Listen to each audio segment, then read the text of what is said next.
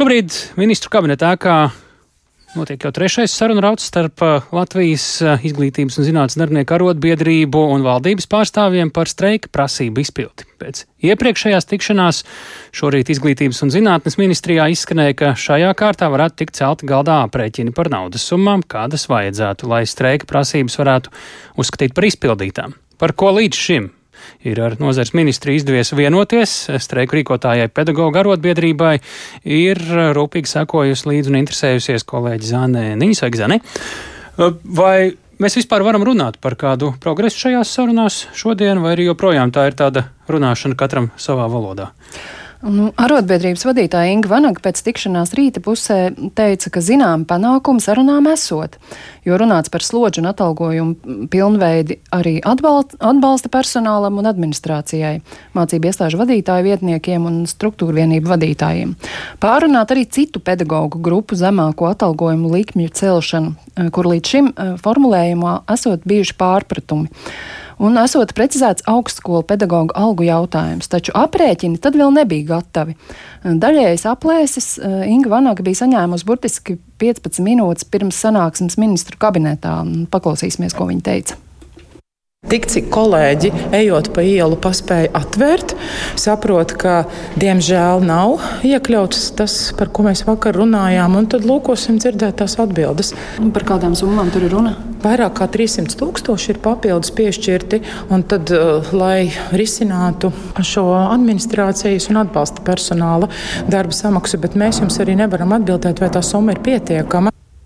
Jā, tātad tagad runa ir par aprēķiniem, papildus jau iepriekš atalgojuma palielināšanai un slodžu balansēšanai ierēķinātajiem miljoniem, taču paredzams, ka šajā sarunu daļā pievērsīsies arī pašvaldību lomai pedagoģu algu paaugstināšanā.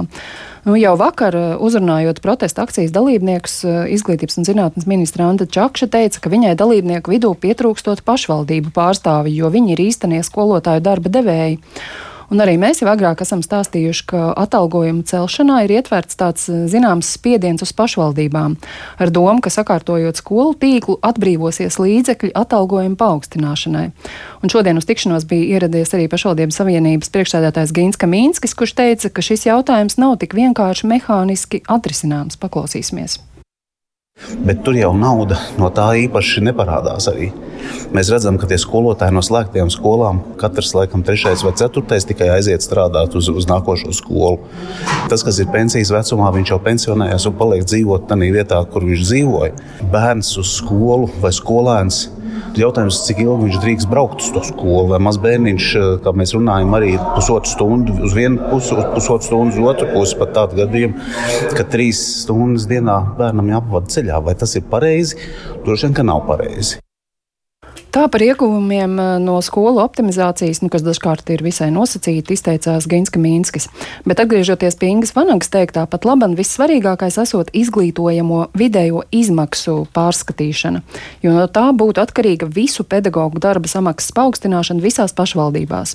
Un tad atbildot uz jautājumu, ko tu man sākumā uzdevi, vai ministrija un arotbiedrība runā vienā valodā. Jo šorīt tā neizklausījās? Jā, šis ir tas punkts, kur eh, saklausāmas atšķirības. Jo ministrija visu uzmanību koncentrē uz minimālās likmes celšanu, bet arotbiedrība prasa pārreikināt visu izglītojamo vidējās izmaksas, kurās šī minimālā likme ir tikai viena no komponentēm. Tāli. Jā, nu, kas tad notiek pēc šīm sarunām, kas pirms eh, apmēram stundas noprast sākās ministru kabinetā?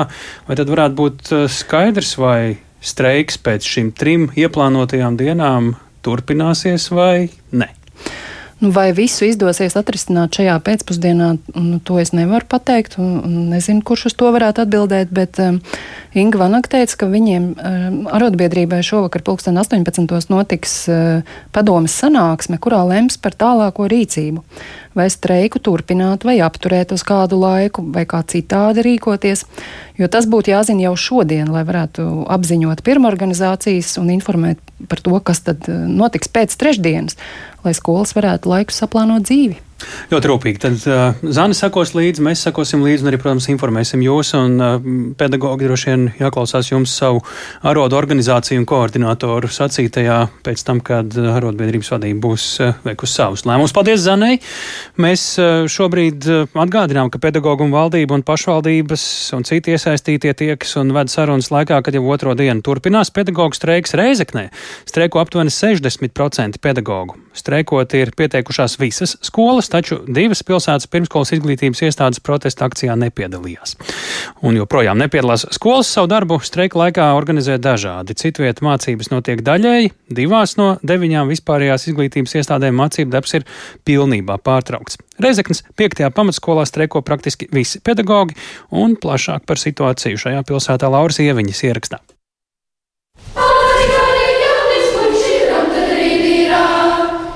25. aprīļa rīts Reizeknas 5. pamatskolā. Skolas gaitiņa un mācību klases ir tukšas. Tikai skolas aktu zālē pulcējušies zēni uz kora mēģinājumu. Pedagoģu streikā piedalās arī mūzikas skolotāja un zēnu kora diriģente Iveta Kepule. Ja es uzskatu, ka skolotāja darba slodze ir nepamatoti paaugstināta un nesabalansēta. Lai sagatavotos vienai stundai, man ir nepieciešams vismaz divas stundas veltīt laiku. Es gribētu, nu, tas laikam ir utopiski, varbūt 50 pret 50 vai vismaz normāls mācību materiāls. Jo tad, kad es uzsāku skolotāju gaitas, skolotājas slodzi bija 18 stundas nedēļā. Ja tagad tās 36 vai 30 kontaktā, nu, nav jābūt lielam matemātiķim, lai saprastu, ka ir izaugusi slodze. Protesta gājienā Rīgā Iveta Kepule gan negāja. Arī šodien viņa ir skolā, lai arī mācību stundas te nenotiek. Mūsu skolas koris brauc uz Daugopilī, novada skati, un ceturtdien ir pilsētā 5. un 9. klases koris skate. Tā tad arī rītdien es būšu skolā un aktīvi mēģināšu. Reizeknas 5. vidusskola ir viena no divām pilsētas skolām, kur mācību process streika laikā ir pārtraukts. No 50 pedagogiem streiko 46. Par galveno streika iemeslu viņam ir nesabalansētās slodzes algas varētu būt otršķirīgais, bet pirmais ir tiešām šīs nesakārtotās slodzes, jo skola 2030 uzlika milzumu daudz papildus pienākumu. Mums nav mācību materiālu. Skolotāji vienkārši ir pārguruši un nu, izdeg. Pagaidām Vijai Poikānei nav radusies pārliecība, ka pedagoģu prasības tiks īstenotas. Solīts makā nekrīt. Tā es domāju pagaidām, jo līdz galam nav saprotams, kā tas viss notiks ar 1. septembri. Laikam tā ir, kā arī Kariņa kungs teica, ka viņš Un ministrija domā, ka jāpaukstina tikai tā minimālā darba samaksa, bet eh, skolotāji domā, ka jāpaukstina proporcionāli visiem. Mūsu pilsētā nav nevienā skolā, kur būtu šī minimālā pedagoga alga 900 eiro. Bet, ja jau tiek saņemts vairāk, tātad tā ir liela skola, tātad tur ir milzīgas klases un līdz ar to ir papildus šī slodze. Kopumā Reizeknas pilsētā streiko 457 darbinieki, pārstāvot 17 izglītības iestādes. Streikā nepiedalās vien divi bērnu dārzi. Lielākajā daļā iestāžu mācību process notiek daļēji. 87 reizeknieši vakar piedalījās arī protesta gājienā Rīgā. Līdz Reizeknas arodu organizācijas priekšsēdētāja Janīna Staudža novērojusi, gājiens pedagogus esot saliedējis. Visi teica tā, ka šīm protesta akcijām ir jābūt un beidzot eh, kaut kas ir jādara mums pašiem, lai mūsos ieklausītos. Eh, nu, mums jābūt eh, tiem, kas arī jaunajai paudzē māca šo pilsonisko aktivitāti. Ja pēc šodienas arotbiedrības sarunām ar ministriju un premjeru nekas nemainīsies, pedagoģu streiks turpināsies vēl rīt, un Reizeknas 5. vidusskolā notiks tikai kora mēģinājums. Laura Ieviņa, Latvijas Rādio studija Latgalē.